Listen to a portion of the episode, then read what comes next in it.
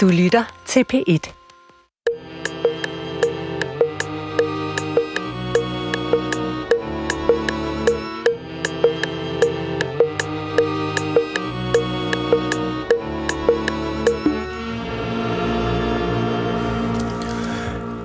Goddag, mit navn er Peter Lund Madsen, og rigtig hjertelig velkommen til Hjernekassen på P1. I dag skal Hjernekassen på P1 handle om den største miljøsønder i jordens historie. En biologisk entitet, som har ændret livsbetingelserne på jorden fuldstændig. Som var nødt til at flygte fra konsekvenserne af dens egne handlinger, og som nu om dagen spiller en fuldstændig afgørende faktor i det, nogen anser for at være en kommende eller en nuværende klimakatastrofe, som er i gang. I dag, der skal det handle om alger. Og min gæst, Johannes Andersen Randberg, velkommen til dig. Velkommen til Hjernekassen på B1. Velkommen til alle lytterne. Du lytter til Hjernekassen på P1 med Peter Lund Madsen. Og i dag, der skal det som sagt handle om alger, og alt det alger har gjort for os, og alt det alger gør og kommer til at gøre i fremtiden. Velkommen til dig, Johan Andersen Randberg, Institut for Plante- og Miljøvidenskab på Københavns Universitet. Og jeg beder jo altid mine gæster, og det gør jeg også i dag, fordi der er ikke nogen grund til at ændre rutiner, så længe de fungerer. Det er et godt motto, vi har her på Hjernekassen, og det efterlever vi. Så jeg spørger, vil du fortælle lidt om dig selv? Jo, det kan jeg godt. Mit navn er Johan Andersen Randberg, og jeg arbejder som sagt på Københavns Universitet. Her har jeg en lille forskergruppe, hvor vi blandt andet forsker i biosyntese, biosyntese i alger, men også i planter. Og vi prøver så at finde ud af, hvordan nogle af de værdifulde ting, vi kan få fra planter og alger, hvordan vi kan lave dem på andre måder ved hjælp af biosyntese. Godt. Men jeg lavede ud i et forsøg på at, øh, at, at, at slå, en, slå en katastrofeagtig stemning til, fordi det er godt i medierne øh, at slå en katastrofeagtig stemning til, øh, fordi så får man folks opmærksomhed. Øh, så jeg vil lige øh, spørge dig, hvad, hvad er det, der gør, at jeg kan sige, nej, kan du ikke fortælle historien om algerne? Og du må gerne gøre det i, i du må gerne gøre det grundigt. Fordi jeg kan sige dig, at første gang jeg læste om det i en bog, der var jeg nødt til at læse det tre gange, fordi at det var så dramatisk, og det var så forandrende for den måde, jeg så verden på, så jeg skulle være helt sikker på, at jeg ikke tog fejl. Så vil du ikke, øh, vil du ikke fortælle den her historie om algerne, og hvad de har gjort for os og vores jord? Jo, men jeg synes, vi skal starte med at, at se på, eller få en fornemmelse af, hvor vigtige alle er. Og der, der kan vi måske lave en lille øvelse, der er mig, Peter. Hvis vi nu bare sidder her, og så trækker vi vejret dybt ind. Kan I mærke, I må også gerne gøre det derude i æderen, øh, kan I øh, mærke, at ilten ligesom fylder jeres lunger, ud i jeres blodstrøm, giver ild til hjernen, vi kan tænke klart. Peter er ved at finde på sit næste spørgsmål herover. Øh, alt, hvor kommer den ilt fra, kan man så tænke over? Ja, det er et godt spørgsmål. Og den ilt, den kommer fra algerne. Så alt det, du gør i din hverdag, hvor du skal bruge ilt, dine muskler, din hjerne, den ilt har algerne lavet. Fordi før dengang algerne kom til her på jorden, de kom til for mange, mange milliarder år siden, lang tid før der var mennesker, dyr, planter, alt hvad der var. Der var hele atmosfæren på, på jordkloden her, den bestod hovedsageligt set af CO2, ligesom vi ser på Mars i dag. Det, der skete, det var, at algen opfandt en fantastisk mekanisme, som vi kender som fotosyntesen. Altså, vi kan se den, bare vi kigger på et blad, den grønne farve. Det er, grunden til, at bladene er grønne, det er på grund af fotosyntesen. Men det var altså algerne, der opfandt den her, det her system, eller den her mekanisme.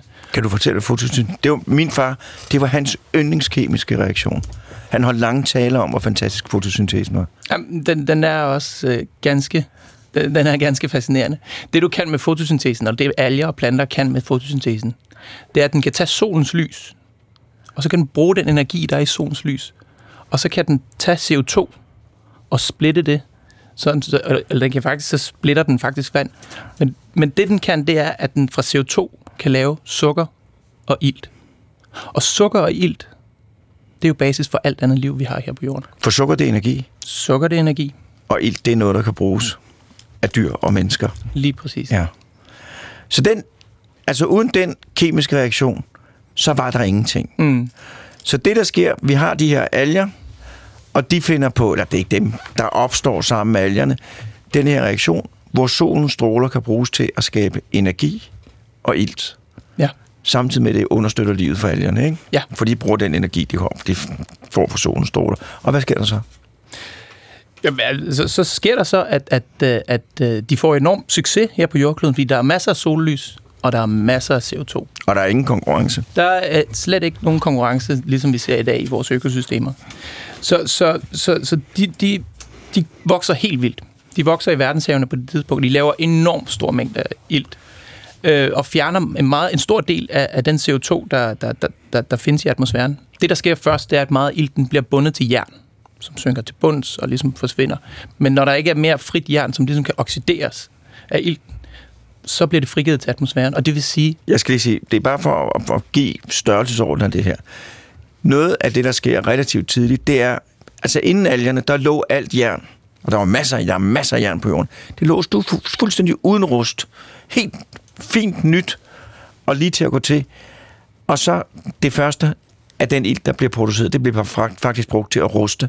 For Ja. alt det jern, der er på jorden til at ruste. ja, Og det er meget jern, og der tager, bruges meget ild. Så det første, der sker, det er, at alt jern på jorden ruster. Ja, det er lige præcis det, der sker. Og når alt jernet er rustet, så, så kan jernet på jordkloden simpelthen ikke binde mere ilt, og så begynder ilten bare at sætte sig i atmosfæren. Og når man tænker over ilt, så er det egentlig et ret energifuldt molekyle, og et ret reaktivt molekyle.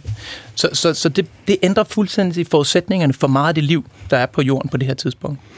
Det meste af det liv, det består af bakterier, og, og, og, og bakterier, som ikke kan tåle ilt, altså det, vi kalder anaerobe organismer. Og når, når der lige pludselig er et overskud af ilt øh, i atmosfæren, så er der mange af de her bakterier, som simpelthen ikke kan klare den. De, de, de dør lige med det samme. Fordi ild, det er en hissig lille fætter. Det er en his lille, lille Den, fætter, ja. den reagerer med rigtig, rigtig meget. Ja. Øh, og hvis man, ikke, hvis man ikke har været konstrueret til at arbejde med ild, så går det galt. Og det kan vi også se på det jern. Det er Ja. rustet. Lige med så, så begyndte det at ruste. Ja. Ja. Så der er en ildforurening her på jorden ja. i Ja. første omgang. Alt, de, der- alt levende her på jorden siger, nej, nej, nej, stop, al, alger, stop. I, I ødelægger det hele, fordi der er ildforurening. Ja, men de er ligeglade, algerne. De Ja, fortsætter de og fortsætter og fortsætter, og bringer faktisk, øh, hvad, hedder det, CO2-niveauerne ned på de niveauer, som vi kender, og som vi har, som, som det er de CO2-niveauer, alt liv har, eller hvad hedder det, alt øh, den diversitet i økologi, som vi ser i økosystemerne, som vi ser nu til dags, har oplevet historisk set. Og Og hvor bliver den CO2 af? For den kan jo ikke forsvinde bare ud i det rene skal ingenting. Jamen, den forsvinder jo ind i, den forsvinder ind i algerne. Altså, så, Øhm, ligesom alle andre celler, så har en algecelle en livscyklus, og på et tidspunkt, så dør den hen. Og det, der sker med en algecelle, når den dør hen, det er, at den falder til bunds i verdenshavene. Og der sedimenterer den så på bunden af verdenshavene. Og over tid, så er det de her sedimenterede alger, som så er gået hen og blevet til den olie, som vi nu bruger nu til dags. Så, så det, der sker, det, altså det, jeg, jeg synes jo, det er en meget, meget smuk historie. Og en uhyggelig historie. Øh, og en historie, der maner til eftertanke. Men det, der sker, at algerne, de suger CO2'en op i sig. Det bliver til, til sukker, som indgår i konstruktionen af algerne. Der bliver flere og flere alger. De dør, synker til bunds. Og så øh, omsættes de til olie og gas. Så ja. Ja. den CO2, der var ude i atmosfæren, er nu låst og fanget som olie og gas nede i vores undergrund. Lige præcis. Ved du, hvor meget CO2 der er i atmosfæren nu? Jeg ved det ikke. Jeg ved med ilt. Øh, 250 ppm eller sådan et eller andet. Noget af den stil. tror jeg. Ja, det, det er tæt på det. Skal ikke være om det? Ja. Videre. Ja, øh, men, men det, det, det, det, det siger jo også lidt om, at når vi nu graver olien op og bruger den i vores energisystem, så, så laver vi bare den modsatte proces af det, som algerne gør. Vi brænder den her olie af, som kommer fra algerne, og i stedet for, så laver vi den CO2, som algerne gemte dernede på Ja. bunden af verdenshavene for mange, mange milliarder år siden. Det er en stor cyklus. Yes. Så det vi gør, når vi brænder fossile brændstoffer af, det er, at vi tager de der gamle omsatte alger, og så frisætter vi den CO2, ja. Som de ellers havde fanget for os. Ja, Ja.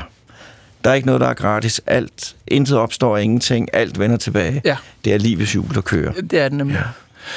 Ja. Øhm, og, og det, der så sker efterfølgende, hvis, så, hvis vi så kigger i dag, hvor, hvor algerne stadigvæk er en af, har afgørende betydning for, for, for CO2-niveauerne, for vores atmosfære, for vores økosystemer og det hele, så kan man sige, at de alger, der er i verdenshaven, de står for cirka halvdelen af al den CO2-fixering, som vi kalder det. Det vil sige biologiske systemer, der fanger ilt og ligesom laver det til til liv, eller til biomasse, som vi også kalder det.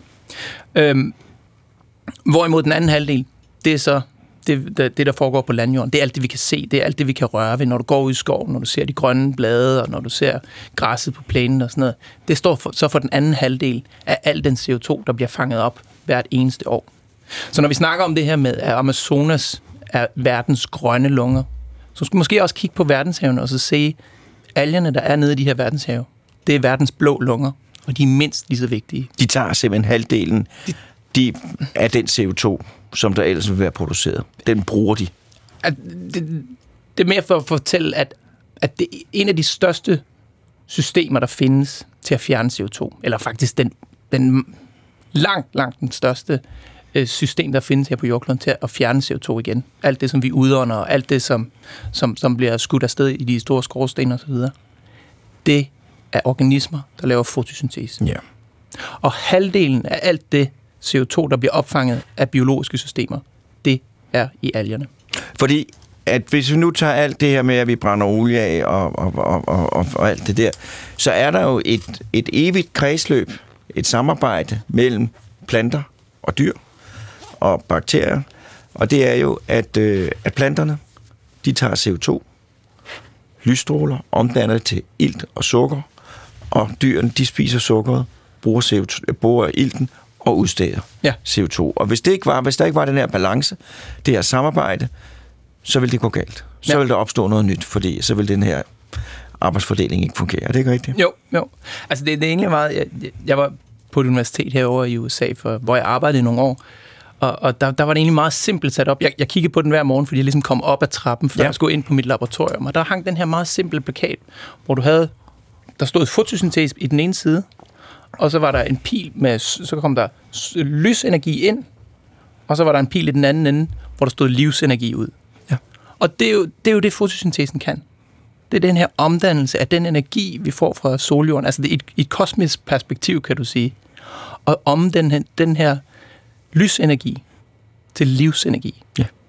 Fordi den her biomasse, skabt ved hjælp af sollys og CO2, er basis for alt det liv, som står os nært øh, her på jordkloden. Og det er jo, og det er jo, det er jo, det er, jo, det er derfor, det er så dejligt, det med naturvidenskab, for det, er- det er jo det smukkeste digt, at nogle kemiske processer Ja. oppe i solen skaber energi, ubalance, overfører noget energi, laver noget ubalance til noget energi, som stråler ned på jorden, som bliver omsat til en kæmpemæssig ubalance, som er alt det liv, der lever her på jorden. Ja. Og når en dag, og der er mange milliarder år til det sker, at solen holder op med at, at lyse, hvis vi ikke har fundet på noget, så forsvinder motoren, og så bliver det hele Ja. stille igen. Ja, det, det er fuldstændig rigtigt. Altså uden sollys, så var der ingenting. Og det er jo også smukt, at øh, jorden, livet, er i stand til at omdanne sollys til zoologisk og botanisk have. Altså, der er jo noget mere gang i det, end så mange andre steder, og det hele kommer, som du siger, fra sollys. Ja, ja, ja. Men altså, øh, det som jo det, som jo er interessant også, det er jo, at, at de her alger, de svømmer rundt ude i, i, i verdenshavene.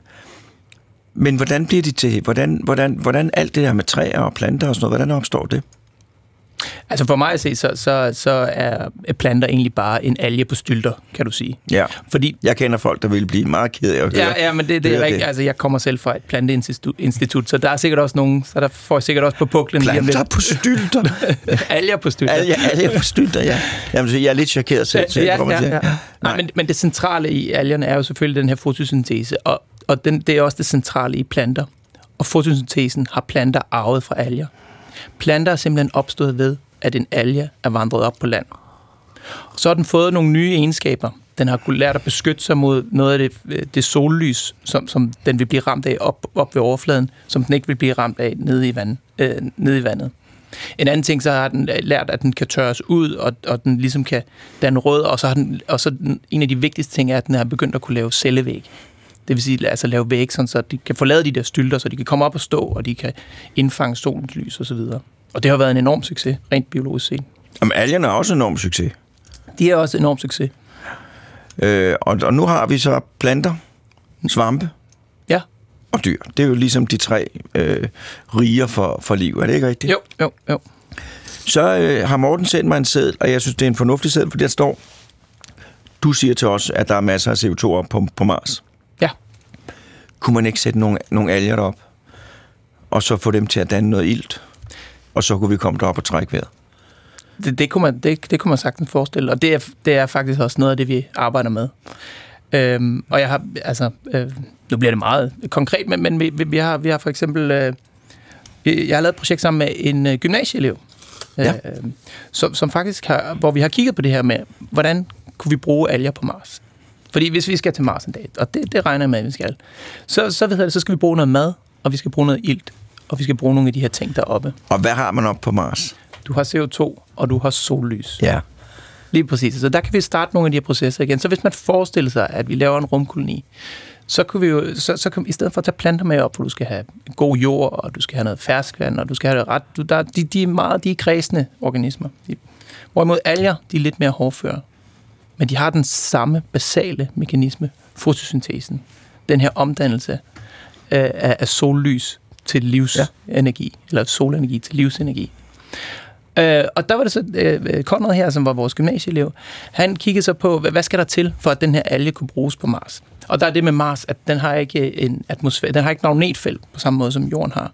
Og det vil sige, at der, du bliver udsat for meget større øh, ioniserende stråling deroppe. Og hvad er ioniserende stråling? Det, det, altså det er, hvad hedder det, det er stråling, som skaber mutationer, altså gamma-bølger, og det er noget, du også... Altså, Det er virkelig det er skarpt, skarpt sollys, Ja, ja, ja. som er skadelig for, Som er skadelig for for, biologisk- for vores biologiske systemer, fordi det præcis. medfører mutationer og alt muligt. Yes. Og det, det, vi, det vi så kom frem til, og vi lavede et projekt på, mig, øh, mig og Konrad, det var, at hvis vi, vi, kunne tage et, vi kunne tage et gen fra et andet dyr, som, som har vist sig at være enormt tolerant over for ioniserende stråling. Det er det, vi kalder bjørnedyret. Man, har, Ja. lavet, man har lavet mange øh, forsøg med det op på den internationale rumstation, og den kan tørre helt ud, og så kan du genopleve dem. Og den, den er enormt god til at modstå stråling osv., og, og man har faktisk fundet frem til, hvad for en gen, der er afgørende for, at den her, det her bjørnedyr er så god til at modstå stråling. Og øh, ideen var så, at, at alger kan selvfølgelig også blive udsat for, de vil også blive udsat for det her ioniserende stråling, og de vil lide under det. Men hvis man nu tog det gen fra bjørnedyret, som beskytter det mod det ioniserende stråling, og flyttede det over i algen, så vil du have din produktionsorganisme med op på Mars, som så vil være, både vil være modstandsdygtig over for den ioniserende stråling, der var deroppe, og samtidig kunne lave den her omdannelse af lysenergi til livsenergi. Det lyder en god, som en god idé. Ja. Hvad skete der så? Hvor hvad der sker? Jamen, Conrad, han, øh, han har været en rigtig, øh, han har været rigtig, rigtig dygtig, så han deltog i, i flere forskellige øh, øh, konkurrencer for, forsknings, øh, for unge forskere. Først øh, i det, der hedder forskerspiger, og så var der noget, der hedder de unge forskere. Og dem vandt han så begge to. Og så derefter så blev han kvalificeret til de europæiske mesterskaber i, så for unge forskere. Og den vandt han sammen også. Og planen er så, at han skal faktisk ind i mit laboratorium og, og lave øh, nogle af de forsøg, som han har beskrevet i, i sit forskningsprojekt. Og hvad, altså, det, det, jeg, jeg, jeg kan jo se spørgsmålene hober sig op. Lad os forestille os, at vi har, eller I har, fordi jeg har jo ikke været med i det, øh, at I har fået lavet nogle alger, der kan tåle stråling, øh, og som, som, som, som kan producere. Hvad skal de leve i vand, eller hvad, hvad gør man konkret? Ja, de skal leve i vand. De skal leve men, i der, men der er jo heldigvis Der er jo vand vand. Det skal bare varmes op. Det skal bare varmes op, ja. Og så, så er der også, øh, der er også nogle andre giftige, øh, giftige substanser i Mars-overfladen, som sikkert ville blive kontamineret, øh, være, kon- kontaminanter i det og, her vand. og hvad er det for nogle ting? Det er blandt andet nogle perklorater, som, som, som hvis, du, hvis du opløser det i vand, så bliver det til det, vi kalder blegemiddel og sådan noget. Det er noget virkelig krast noget. Det er noget, der kan slå det meste ihjel. Øh, til Så gengæld Mars er fyldt med blegemiddel. Ja, det kan, du, det kan du godt sige. Øh, til gengæld så ved jeg, at øh, dem, der laver raketter, de enormt godt kan lide perklorat, fordi de kan bruge det til raketbrændstof. Så, så, så der kunne måske være en, en samlet proces der, hvor, hvor de fjerner nogle af perkloraterne og bruger det i deres raketter for at komme tilbage igen. Og hvor vi så undgår at få vores øh, vand kontamineret fra Mars. Så, så hvis man laver den rigtige planlægning, så kan man godt risikere, at der kommer et hold op Ja, ja. med sådan en lille taske med nogle alger i. Ja. Og så går der ikke lang tid før, at der er mad, raketbrændstof, øh, og det hele det kører. Muligheden foreligger.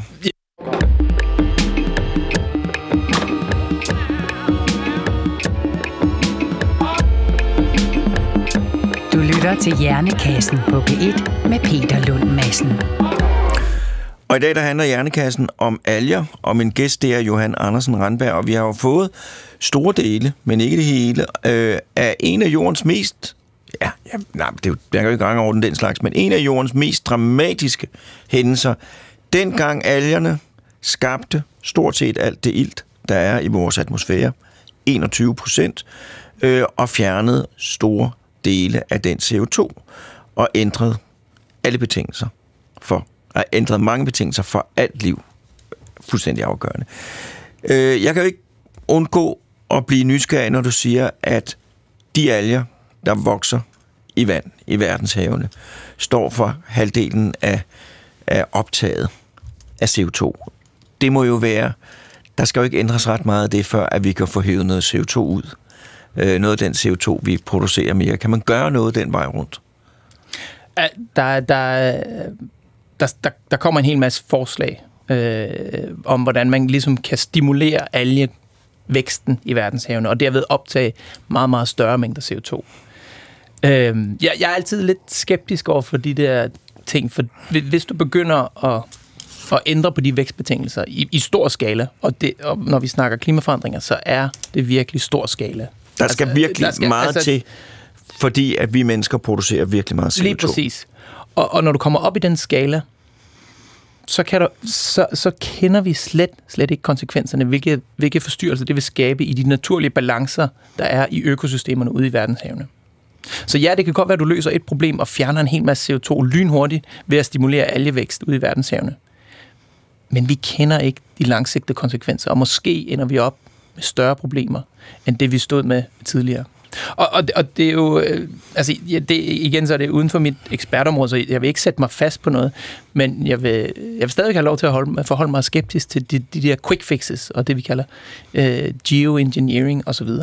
Og, og det er et meget stort emne, og, og det, man skal fortsætte alle de øh, forsknings, øh, forskningsaktiviteter, der er for det, fordi altså, forskere er dygtige, de skal nok komme med en god løsning, øh, men man skal være helt klar over, hvilke konsekvenser vi, vi kigger ind i, hvis man gør noget. Så det du siger, det er, at fordi mennesket udlever, udleder så meget mere CO2, ja. så skal det, er det rigtig store ændringer, der skal til ja. i det her kæmpemæssige system. Og når man først begynder at rykke ved sådan et kæmpemæssigt, helt livsgrundlæggende system, ja. så er det umuligt. I hvert, det er i hvert fald svært, at overskue konsekvenserne ja. af det det skal i hvert fald ikke gøres på baggrund af en fix idé. Nej, og hvad, hvordan, altså, hvad, hvad mener du er en fix Hvad kunne du give et eksempel på, en fix idé er? Øh, altså, altså at det her med, at, at, at, man, at man læser, at, at alger er dem, der kan fixere så og så meget CO2, og så bare ganger op, og så tænker, at det er løsningen. Så vi prøver bare nogle flere Vi prøver bare nogle flere alger, ja, ja, ja. Det er ligesom at sige, at jeg skal have større muskler, jeg tager nogle hormoner. Ja, du får større muskler, ja. det virker. Men er der nogle langsigtede konsekvenser? Men er der nogen risiko for, at der er nogen, der kunne finde på den slags? For det lyder uansvarligt, synes jeg. Det, det, det kan jeg slet ikke sætte mig. Altså, det er jo ikke noget, du kan skjule som sådan, fordi Nej. det skal gøres på så stor skala. Så, ja. så, så, så det, det... Nå, men jeg kunne forestille sig, hvis man fremelskede en algetype, der kunne, der kunne leve under andre, så, så, så blev så kunne der jo lige pludselig bo en hel masse flere alger i verdenshaven, men så kommer der ikke ja. sol derned, og så ændres alting ja, ja, ja, ja, ja. Altså det, der begrænser algernes vækst i høj grad, der er jo store områder i, i verdenshaven, hvor der ikke er særlig meget algevækst, og det, det er jo simpelthen mangel på nogle af de andre ting, som alger skal bruge for at gro, altså sådan noget som øh, kvælstof og, og, og, og, hvad hedder det, fosfat og, og nogle af de andre, og, og jern og mineraler osv., som, som hovedsageligt set findes inde ved kysterne hvor de ligesom bliver udvasket fra, fra, fra, fra landjorden og så videre. Og det er jo det, vi kender.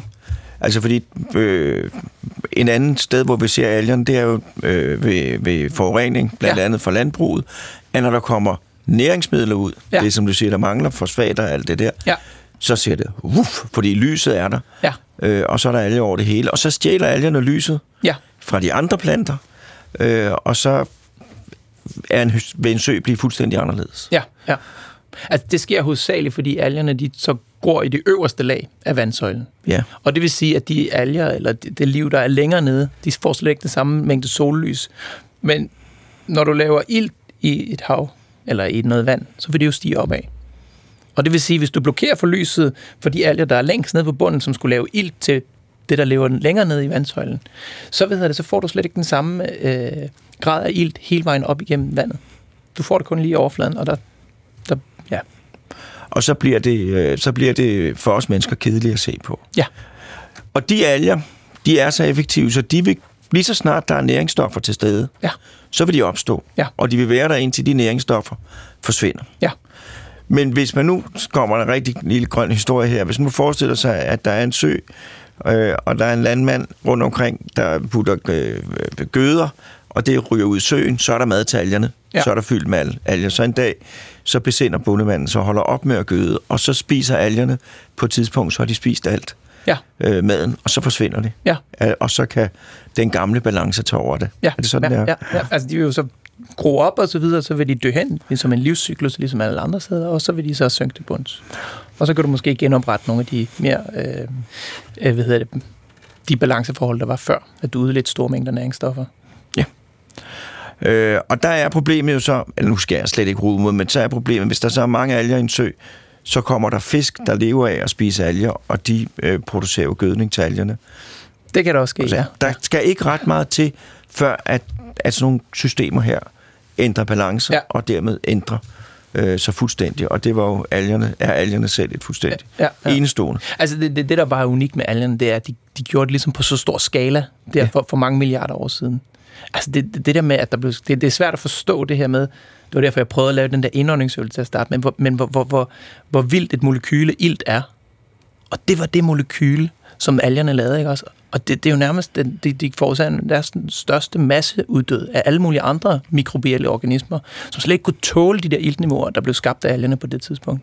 Det var, det, altså, livet ændrede fuldstændig. Ja. og afgørende retning i en grad, som aldrig er set sidenhen. Ja, Der har været store katastrofer, meteornedslag, jeg ved ikke hvad. Ja.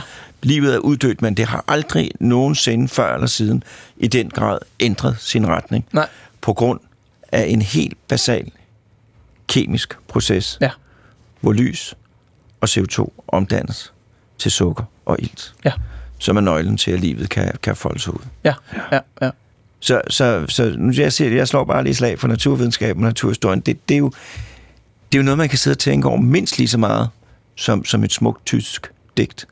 Øh, denne her øh, helt basale livsbetingelse, fotosyntesen, den kunne man godt meditere over lang tid. Ja, men det, det og der havde godt. du det der, den plakat fra dit gamle sted i USA. Ja, jeg synes egentlig, jeg kan huske, jeg så de første, jeg var der i tre år, og de første et eller to år, så synes jeg, det var den mest åndssvage plakat, jeg nogensinde havde set på et topuniversitet, at, at lysenergi er til, bliver til livsenergi. Hvad er det for noget? Ja, følelse. Men, men, men efter, med, med årene, nu har jeg så set den de der 300-400 gange på de der 300 år hver dag, når jeg kommer op på laboratoriet, så giver den altså alligevel godt, rimelig godt mening. Du har ikke et billede af den plakat? Nej, det har jeg i- måske et eller andet sted. Jeg, jeg, det, det kunne være, jeg skulle finde frem. Ja, fordi så kunne du sende den til mig, så kunne vi lægge den ud på noget. Vi har noget, der hedder, noget, der hedder Facebook her, hvor man kan lægge ting ja, ud på. ja, ja, ja, ja. Øh, ja, ja. Men altså, det her, det har jo bare været indflyvningen. Ja. Øh, det har jo bare været øh, baggrundssiden, så vi kunne forstå, hvad du har at gøre med alger. Ja. Så der, hvor jeg interesserer mig for alger, at det er også meget noget meget håndgribeligt, kan du sige, for det er farverne. Altså det, vi kan se af farver på alger, det er det, jeg interesserer mig for. Og hvorfor har alger farver? Kan du lige tage den?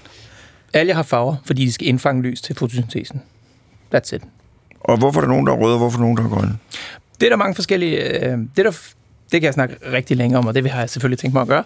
Så Det er mig. Du må snakke lige så længe, som jeg bestemmer. Nej, men lad os, lad os, lad os starte, lad os starte med, med planter, fordi grønne, dem, dem kan man se. Ja. Ja. De, de er sådan lidt nemmere at, at, ligesom at forholde sig til. Den grønne farve, det er klorofyl. Et, et meget specielt molekyle, som ligesom er, fungerer som en antenne af at fange lys ind, og ligesom om den her, den, omdanne det her lysenergi til det første kemiske intermediat i fotosyntesen. Derefter foregår der en lang, lang proces, som jeg heller ikke er ekspert i, men, men det er der nogle andre er. Det er den grønne farve. Så om efteråret, så bliver bladene gule og orange og alle de her farver. Det er fordi klorofyllet forsvinder. Og det, der så er tilbage, det er dem, vi kender som karotenoiderne. Og karotenoiderne, det er blandt andet dem, som giver gulerøden den orange farve, for eksempel. Og karotenoiderne, de, de har to funktioner i fotosyntesen. De skal både beskytte det fotosyntetiske system fra at blive, blive ødelagt fuldstændig af alt, det, af alt det sollys, der kan komme. Altså fordi sollysene er også et meget energirigt. Så hvis, hvis, hvis det bare kører på fuld drøn, så bliver det her system fuldstændig ødelagt efter meget, meget kort tid. Og det, de kan, øh, karotenoiderne, det er, at de igen kan opfange solens lys, og så kan de ligesom dæmpe den energi, der kommer ind i systemet. Så er der så nogle karotenoider, som også kan bruge til at øge sensitiviteten af systemet. Så hvis du har det her lave lys, Altså hvis, hvis du nu har bare i skumringstiden, eller du, øh, bladet er kommet i skygge, eller så videre, så kan du lave en anden, eller så kan planten lave en anden form for pigment, og derved kan den opsamle endnu mere lys. Så det indgår ligesom i de her dynamikker med, du vil gerne fange lidt lys nogle gange, og du vil gerne fange meget lys andre gange, sådan så du hele tiden har et optimalt system til at lave den her omdannelse af CO2 til sukker. Og der er det igen, vi skal huske på, det planterne konkurrerer om, det er lys. Det er lys, ja. Altså, ja. øh, og det har vi haft Mikke Palgrim ind og fortælle om. Men altså, hvis du går ud og kigger på en skov, eller på en eng, eller på et hvilket som helst sted, så vil du se en kamp på liv og død, hvor det eneste, det handler om, det er at komme op og, og, og, og snuffe lyset fra de andre. Ja, ikke? ja. ja. Nå, undskyld videre. Når, når vi så kigger på alger, og her kan vi også tage tang med, fordi tang er faktisk tættere beslægtet med, med nogle af de havalger, som jeg arbejder med i forhold til de planter, vi ser på landjorden. De er jo ofte brune, og de er brune, altså det, det er ikke fordi, de indeholder stadig klorofyld. Så du kan faktisk tage, hvis du bruger et eller andet opløsningsmiddel, så kan du fjerne øh, det, det brune farvestof, og så vil, så, vil, så vil tangen gå hen og blive grønt. Men det der er, det er, at lysforholdene er forskelligt i vand i forhold til, hvordan de er på land.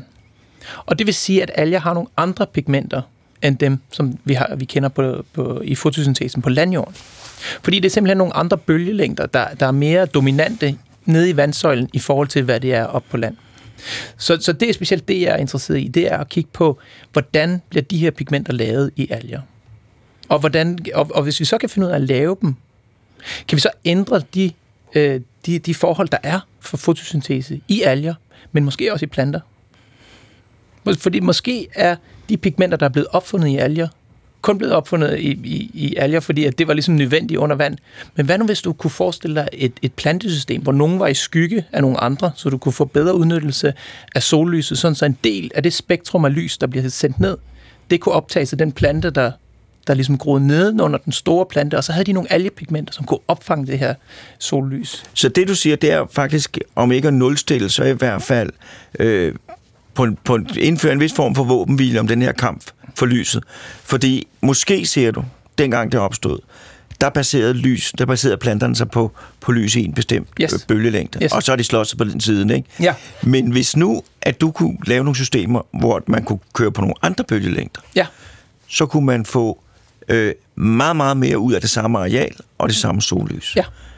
Og hvis det lykkes til perfektion, så vil det være en fuldstændig revolutionering, for så kunne du have skove i flere etager, marker i flere ja. etager. Er det? Ja, og igen så er vi tilbage ved fotosyntesen, som er den her fantastiske mekanisme, som findes i alle alger og planter. Og, og indtil for ganske nylig, det er ikke mere end et par år siden, der blev det ligesom opfattet, at fotosyntesen er så essentiel, at den er blevet optimeret i naturen og kan ikke forbedres på nogen måde. Det vil sige, at vi er låst fast på, på den mængde af CO2, vi ligesom kan omdanne til sukker ved hjælp af det sollys, der er tilgængeligt. Men der, der var jo så en del af det laboratorium herovre, derovre i USA, hvor de fandt ud af, hvis du ændrer dynamikken i, hvordan pigmenterne skifter fra den ene til den anden i planter, så kan du faktisk øge produktiviteten af en plante.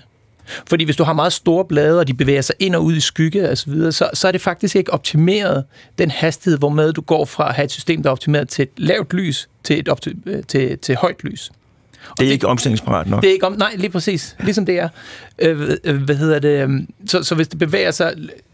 Så, så i og med, at, at de kunne øge dynamikken mellem at skifte mellem de to arter af, af pigmenter, så kunne de simpelthen øge den samlede effektivitet af hele øh, fotosyntesen. Øh, og, og det var første gang, at man har set det, at man faktisk har kunne ændre på de grundlæggende parametre i fotosyntesen og få, få betydelige forbedringer i størrelsen på planterne, der kommer ud. Men det er jo fuldstændig Øh, det, er jo, det er jo fuldstændig øh, vanvittigt. Det, ja. det, er jo, det er jo at gå ind og forbedre skaberværket, vil jeg næsten sige. Ja, ja det kan man, det kan man sige, ja. Øh, og, og, og er det noget, der kan bruges i praksis? Ja, det er det. Der var, det er ikke mere end et par uger, eller en måned siden, eller et par uger, hvor de faktisk havde puttet det ind i, øh, øh i sojaplanter. Ja. Øh, og der kunne de vise, at, at du fik betydeligt større mængder udbytte fra dine marker ved at lave den her, øh, ved, ved at ændre på den her dynamik. Af det, det er omstillingsparate. Ja. Fotosyntese. Yes, yes. Øh, det var, og det var, det, det var helt vilde, øh, hvad hedder det, øh, hvad hedder det, udbytte, øh, forøgning. udbytteforøgning, man så øh, i, den her, i de her øh, optimerede planter. Men så må jeg jo selvfølgelig spørge, øh, er der ikke enorme risici forbundet dermed, hvis man nu begynder at, at, at, at ændre på noget så basalt?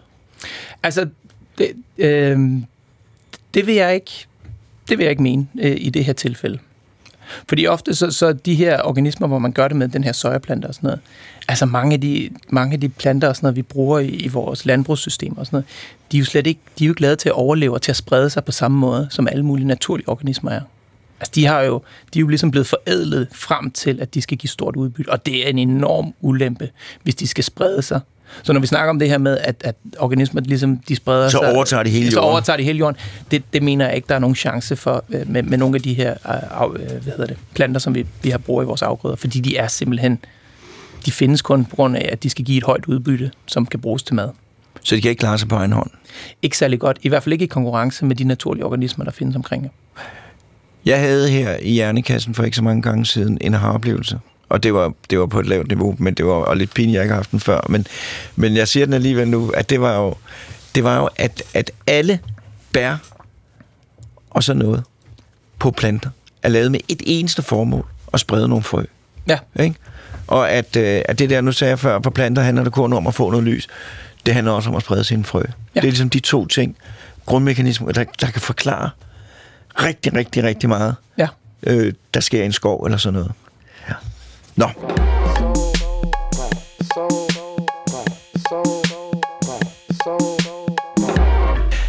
det var så en jingle fra et af de mere ungdomlige programmer, men, øh, men vi er omstillingsparat her, øh, og det var jo det var en fantastisk jingle. Øh, jeg taber lige tråden, øh, men det er ikke længe.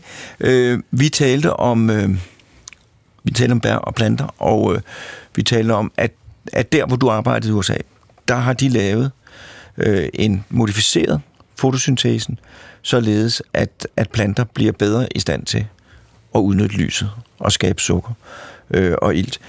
Hvad arbejder du med? Jamen det er jo så igen det her med at kigge på algepigmenterne. Ja. Altså fordi det, det arbejde, der foregik der med, det var, det var de pigmenter, der var i planterne. Og der findes nogle helt andre systemer, fordi algerne skal bruge det samme dynamik i og med, alt efter hvordan de bevæger sig i, i vandet. Øh, om, om der kommer en bølge og putter dem langt ned i vandet, så skal de optimere deres fotosyntese for, for, for, for at kunne opsuge mod, mere lys. Til gengæld, hvis de lige pludselig bevæger sig tættere på overfladen, så skal de kunne dæmpe den, det sollys, der kommer ind. Og, og, der, og der er det så der, vi kigger på biosyntesen af de her specielle algepigmenter, og hvordan de bliver lavet. Og hvad er potentialet det? Er det også nogle, nogle omstillingsparate alger? Det kan du sige. Altså, det, det er både noget, øh, for at sige noget grundlæggende om fotosyntesen i alger. Øh, men, men samtidig så, så er det også, også for at se, om, om, om, om, om vi kan få en sollysbaseret bioproduktion. Altså, det er, jo, det, er, jo- det er jo landbrug i sig selv. Men hvis vi nu kan bruge udnytte potentialet i alger, så hvis vi nu forestiller os, der, der, at vi kan lave nogle enormt store algefarme, hvor vi dyrker alger, og så har vi ligesom valgt nogle alger, som producerer bestemte ting, som vi har brug for. Og det kunne være for eksempel. Det kunne være medicin, det kunne være vitaminer, det kunne være proteiner, eller det kunne være madolier, for eksempel. Så man kan, man kan genetisk modificere alger til at producere øh, kemiske substanser, som vi har brug for. Ja. Ligesom man kan gøre med, med gærsvampe og alt muligt andet. Ja, ja, ja. Du kan selektere, du kan både selektere algearter, men du kan selvfølgelig også lave forædling, bruge forædlingsteknikker, som du har brugt i landbruget gennem mange år. Og du kan selvfølgelig også bruge nogle af de her moderne GMO-teknikker til at lige præcis få øh, det, det bioproduktion, som du gerne vil have. Og kan du give et eksempel på, hvad er det for noget, hvilke former for bioproduktion kunne, kunne alger lave? Altså det, det mest oplagte, det er til at lave madolier. Altså fordi det, der er allerede, det kigger vi blandt andet også på i, i min gruppe, det her med, at, at, at der er de her alger, som, som laver enormt store mængder af det, vi kalder omega-3 fedtsyre. Og, hvad hedder det? og det, det er jo madolie i sig selv. Og faktisk, når, når du har fået at vide, at du skal tage din, Fiske. din, tage din levertræn, da du var barn, det ved jeg ikke, om du har... Jeg prøvede et par gange. Det var ikke nogen stor succes. Nej, nej, nej, nej. Så, fik, så tog de her fiske, og det fik du at vide, fordi du skulle få din omega-3. Nej, jeg fik det at vide, fordi det, det var sundt. Ja, Fordi ja, ja. så gammel er jeg. Fordi Og- der var og- det bare sundt. Der og var mange og- vitaminer i. Og grunden til, at man mener, det er sundt, det er på grund af omega-3-fedtsyrene. Og det får man fra fiskeolie, og det er noget af det, der giver den dårlige smag, for eksempel. Men, men det sjove er, at fiskene kan faktisk ikke selv lave det her omega-3. De kan, få, de kan få levertran til at smage dårligt, men de kan faktisk ikke lave det essentielle øh, sundhedsfremmende stof i levertran. Men det kan algerne. Så de får det fra at spise alger. De får det fra at spise algerne. Og det samme med, øh, og det samme med for eksempel laks. Det er så et helt andet molekyl. Men den røde farve i laks for eksempel, den kan det heller ikke selv lave, den røde farve. Den kommer fra alger, som laver det her røde farvestof, som sætter sig i kødet. Så det er jo to produkter, hvor du allerede har en anvendelsesmulighed, hvor, hvor for eksempel det, det røde farvestof, som bliver produceret i alger, det kan du bruge til din laksefarm, sådan så du får rosa laksekød. Men endnu vigtigere er, at du kan lave omega-3, som er sundhedsfremmende øh, olier, øh, kan, kan, du, øh, kan du lave i alger. I stedet, I stedet for at få det fra fiskemateriale eller, så, eller affaldsfisk. Jamen, det, men, det er og, hvis, og, og, og, hvis man kan lave endnu flere ting, så er det simpelthen, det er, man kan bruge havet, store områder, hvor man har det her gående, nogle alger gående, og så laver de simpelthen fiskeolie og alle mulige andre, så kan producere, hvis man bliver dygtig nok, en hel masse kemiske stoffer. Ja. Uden at det forurener. Ja, og samtidig med, at du fjerner CO2, når du gør det.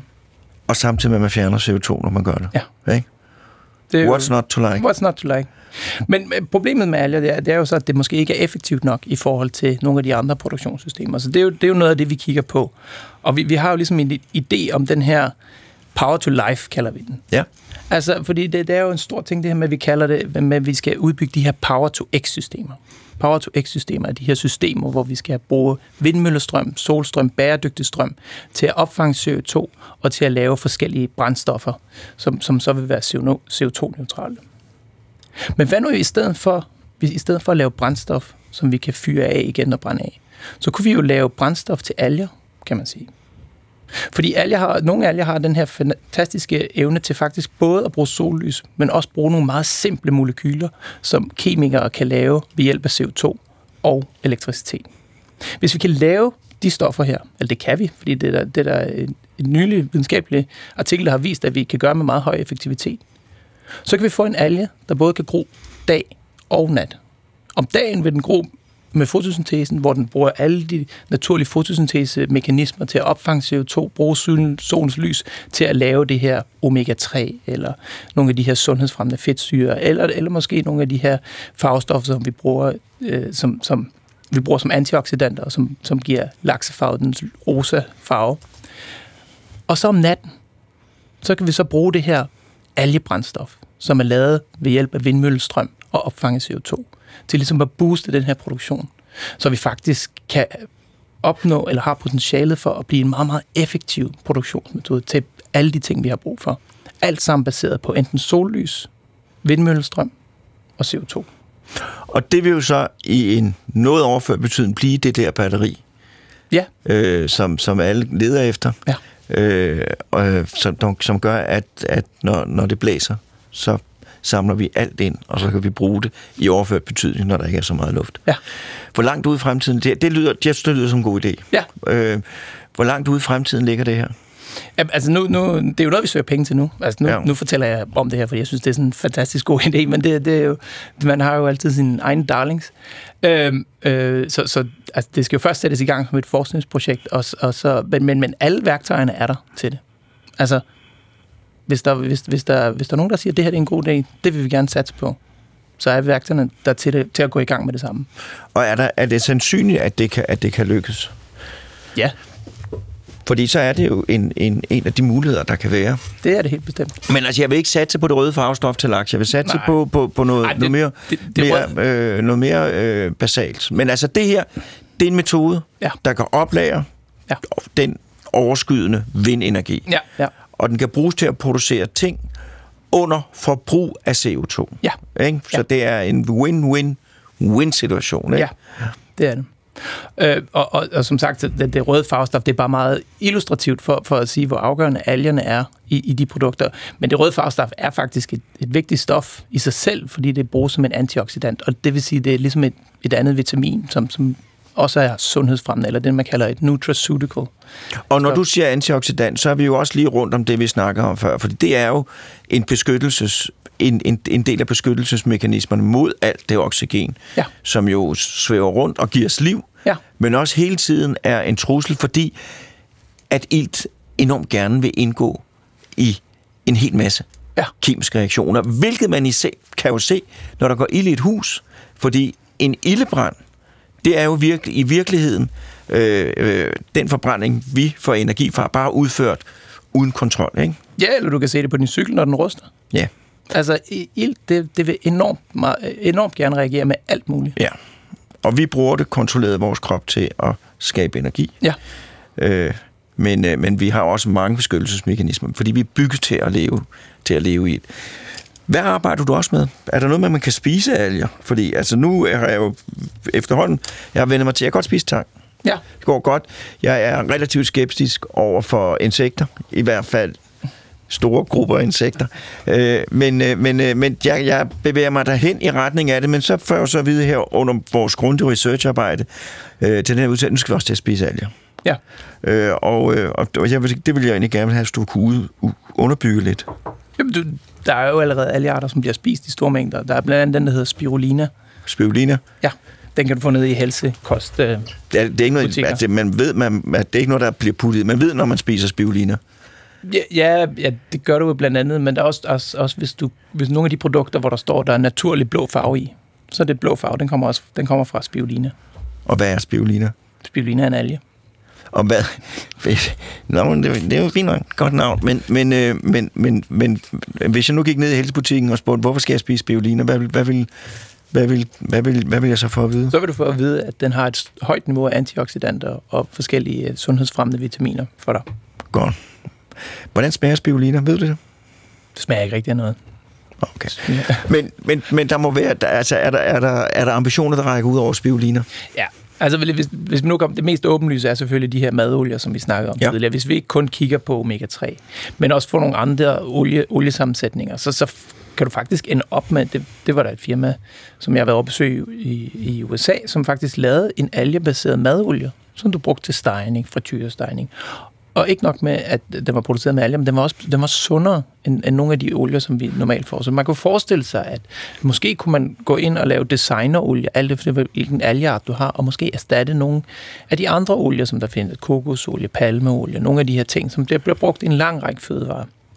Øh, og, og der er jo ligesom et, et udvidet potentiale for, for at, at, at alger eller alge, øh, eller hvad hedder det, øh, algefedtstof, som kommer, som kommer fra algerne, ligesom kan bruges i en større øh, madsammenhæng. Fordi at det, igen, igen bare for ligesom at for, for, fortælle, hvordan det hele hænger sammen, at vi snakker om biokemiske processer i kroppen, både i planter Ja. og, og hos dyr, øh, så er sukker, det er sådan set udgangspunktet. Ja. Øh, og så kan sukker, hvis man lægger lidt til og trækker lidt fra, blive til fedt, det ved vi alle. Ja. Øh, proteiner, øh, alle mulige. Det er ligesom det, der er nøglen.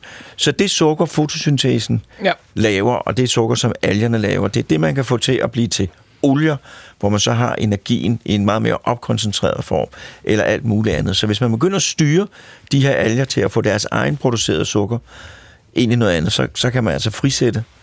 Rigtig mange processer. Og så er der ikke i princippet nogen grænser for, hvad man kan, hvad man kan, kan få alger til at lave. Ja. Er det ja. rigtigt? Jo, jo. Altså, øh, Samtidig med, at de spiser CO2. samtidig med, at de spiser CO2. Men det gør planter og afgrødsplanter sådan set også. Men, men det handler hele tiden om at få et, et system, som, som ikke har den samme impact på jordkloden. Ja. Og, og der, der, der kan du ligesom få et landbrugsbaseret system i det her Power to Life, som vi, vi prøver at skubbe fremad, som, som vil foregå, for det første vil det foregå ud på verdenshavet. Lad os sige, at vi kan tilknytte dem til de her energiøer, der bliver lavet. Nogle lukkesystemer, det vil sige, at du bruger hav, hav, havvandplads, kan Ja. man sige. Altså plads på verdenshavene til det her. Samtidig med, så skal du ikke bruge den samme mængde af ferskvand, som du skal bruge til, til, til, til traditionel landbrugsproduktion. Du kan gøre det saltvandsbaseret. Så igen, så er der en fordel, fordel her, at du hverken tager land, som kræver, at du fjerner biodiversitet, det er blandt andet det, vi ser. Amazonas. Amazonas og de ting. Øh, øh, samtidig med, at, at vi bruger noget plads, som, som, som hvad hedder det, ikke bliver... Øh, Som, Ja, som der så- ikke rigtig er nogen, der som bruger. der ikke er rigtig nogen. Som, som sagt, så er det ikke alle steder i verdenshavene, at der, bliver, der, der gror særlig meget alger. Og vi vil også sige, at hvis der er nogle hajer eller et eller andet, der lever lige der, Ja. så er der rigtig meget verdenshav til at lige svømme lidt. Hold lige lidt til højre. Og ja, det er jo ikke noget, ja. det, det er ikke noget, der vil umiddelbart... umiddelbart have noget stort Nå, impact. nej. Altså, så, så, så du får ligesom enormt mange fordele ved, ved at, at bruge en organisme som, al, som en alge, i stedet for de traditionelle øh, øh, afgrøder. Og er der, er der mere, du gerne vil sige omkring dit arbejde? Øh, ja, det er det, det, er det helt sikkert. Så er det nu. så er det nu.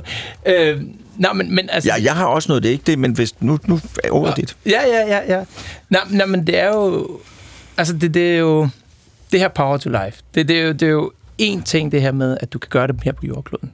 Men altså, mit store mål, og der hvor jeg tror, jeg kan pensionere mig med mit arbejde, det er, hvis jeg har en alge, som jeg har været med til at fremavle i mit laboratorium, og har fået sendt den til Mars. Den der lille algekuffert. Den der lille alge Ja, jeg kommer her med min, med min alge. Ja, lige præcis. Ja. Ja. Og hvis det kan være med til at understøtte en eller anden form for aktivitet op på Mars, hvad er det menneskelige tilstedeværelse, så vil jeg sige, det var sgu det. Det kan jeg godt forstå. Ja. Altså jeg vil sige, der er mange, mange, mange tanker, der flyver gennem hovedet på mig i dette øjeblik. øh, og jeg vil delagtiggøre jer i nogle af dem. Altså jeg synes jo, at det her med alger, det både viser, altså hvor, hvor, hvor fantastisk meget klogere man kan blive på hjernen, nej, på verden, hvor fantastisk meget klogere man kan blive på verden ved at lære noget om naturvidenskab. Altså det er en helt grundlæggende proces i alt liv, det her. Og Mm. det må have en betydning for, hvordan man ser verden. Det er også et eksempel på, hvor, hvor, hvordan mange af de her ting, vi taler om til daglig med CO2-forurening, øh, hvordan det også er dybt afhængigt af, øh, af, af naturvidenskabelige landvindinger. Og jeg vil jo sige, og, og, og det vil jeg sige, selvom du ikke kommer helt i mål med at få den der alge transporteret op til Mars, så det arbejde, du laver sammen med dine kolleger, det er jo virkelig noget, der har en betydning for vores kamp mod de øgede CO2-udledninger. Du gør en forskel. Jeg vil hellere sige det på en anden måde. Hvis jeg ikke lykkes med det, så ved jeg, at der vil være studerende, som har arbejdet sammen med mig, som har lært noget, og det er måske dem, der kommer til at finde løsning på nogle af de problemer, vi står overfor med klimaforandringerne. Er med til at finde på de systemer og løsninger, der skal til. Og, og, og baseret på det, så, så et af mine største håb, det er jo ligesom at få de dygtigste unge mennesker trukket ind til at lære om de her ting. Og det er det, vi er i med. Sådan så, ja, det er det, jeg håber på. Sådan så de kan komme med løsningerne til fremtiden. Og det er det lige netop, jeg vil lægge op, læ- lægge op til. Og det er jo, at hvis man virkelig gerne vil gøre noget for miljøet, menneskets fremtid, vores vidunderlige klode, så en af de ting, der virkelig giver mening, det er at blive, øh, blive studerende hos dig øh, og deltage i det her arbejde. Det er ikke det eneste sted, men det er virkelig en mulighed for at gøre en konkret forskel. Er det ikke rigtigt? Jo. Og så vil jeg jo så spørge Du kan dig, i hvert fald tilegne dig den viden, der skal til for at kunne gøre en forskel. Ja. Og hvordan, hvordan hvis nu jeg sad der øh, og, og, og gik i 9. Hvad skal jeg så gøre for at, at, at, at blive en del af dit? Hvad, hvad skal man gøre? Jo, men i Danmark, så vil du skulle gå i gymnasiet. Man kunne også være mere ambitiøs og så se, at man kunne gå i gymnasiet andre steder i verden og få input derfra. Derefter vil du skulle starte på universitetet. Det behøver nødvendigvis ikke at være vores universitet til at starte med, men det kunne også være et andet universitet, og så kunne du måske komme over til os, øh, øh, øh når du skal lave din kandidatgrad, eller når du skal lave dit bachelorprojekt osv., og, og få lov til at arbejde med nogle af de her ting. Og, og så derefter, så, så, så kan du så tilegne dig mere viden igennem en PhD og gå forskervejen. Men der er selvfølgelig også mange andre øh, udveje efter du har, du har fuldført en universitetsuddannelse, at at du kunne være med til at starte din egen algevirksomhed, hvor, hvor du måske er med til at drive nogle af de her, de her hvad hedder det, aktiviteter fremad i, et, i en anden øh, setting end bare i forskning. Så der er rigtig, rigtig mange muligheder øh, for at komme videre, men, men, men grund, grundelementet, det er jo, at, øh, at algerne, de har fotosyntesen, og den har bragt dem langt. Mm. Øh, det vi mennesker har blandt andet, det er vores evne til at indsamle viden om verden og, og, og akkumulere den gennem generationerne. Ja. Øh, og det gør, at vi bliver bedre og bedre i stand til at styre vores egne livsbetingelser. Ja. Øh, så er det jo tit, når man åbner aviserne i, ja, altid, øh, at der er en katastrofe, der lurer, øh, og, øh, og det hele er ved at gå galt. Øh, og øh, man skal jo ikke have læst meget nogen steder før, at man hører nogen, der siger, vi er i klimakatastrofen. Det er ikke kun et spørgsmål om, hvor mange meter øh, vandet skal stige. Er du grundlæggende bange, eller er du grundlæggende fortrøstningsfuld i forhold til, om vi, om vi når at finde noget, øh, og gøre noget, ændre vores adfærd, så vi kan afbøde virkningerne af det her? Åh, det er et virkelig svært spørgsmål. Du behøver ikke svare, sige, det kan du ikke svare på. Det, det, øh, altså det, som, som, når vi går tilbage og snakker om, hvordan algerne ligesom ændrede alle forudsætninger på liv. Altså, så, så tænker man, at de ændringer, som de beskriver i, i klimakatastrofen og sådan noget, det er jo ikke så slemt i forhold til, hvad der er sket i historisk tid. Men så er det, man skal huske på to ting. Og den ene ting, det er, hvordan så jorden ud, før de her ændringer skete. Og den anden ting er hastighed, hvormed det her sker. Det er ikke så meget det, at CO2-niveauet, hvis det skete over et par hundrede millioner år, så vil det ikke være det store problem. Så vil livet ændre sig, og du vil være kommet nye gode forudsætninger for livet. Men i og med, at det sker så hurtigt, så har vi et stort problem. Og derfor skal vi til at finde løsninger på det. Men tror du, vi finder de løsninger? Ja, det bliver man nødt til at tro på. Det er godt. Jeg vil sige uh, tak, fordi du har ydet og yder en indsats. Jeg vil sige tak til lytterne, fordi I lyttede med. Og ikke mindst til Morten Krøholt, som jo er redaktionschef og producer. Øh, næste gang, der skal det handle øh, om noget helt andet. Der skal det handle om søvn.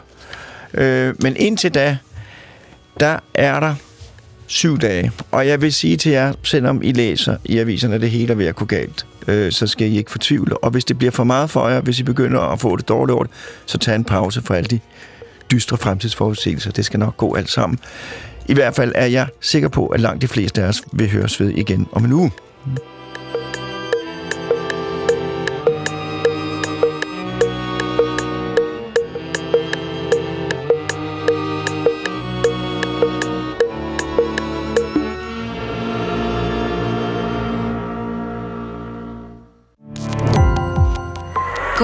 Opdagelse i alle DR's podcast og radioprogrammer. I appen DR Lyd.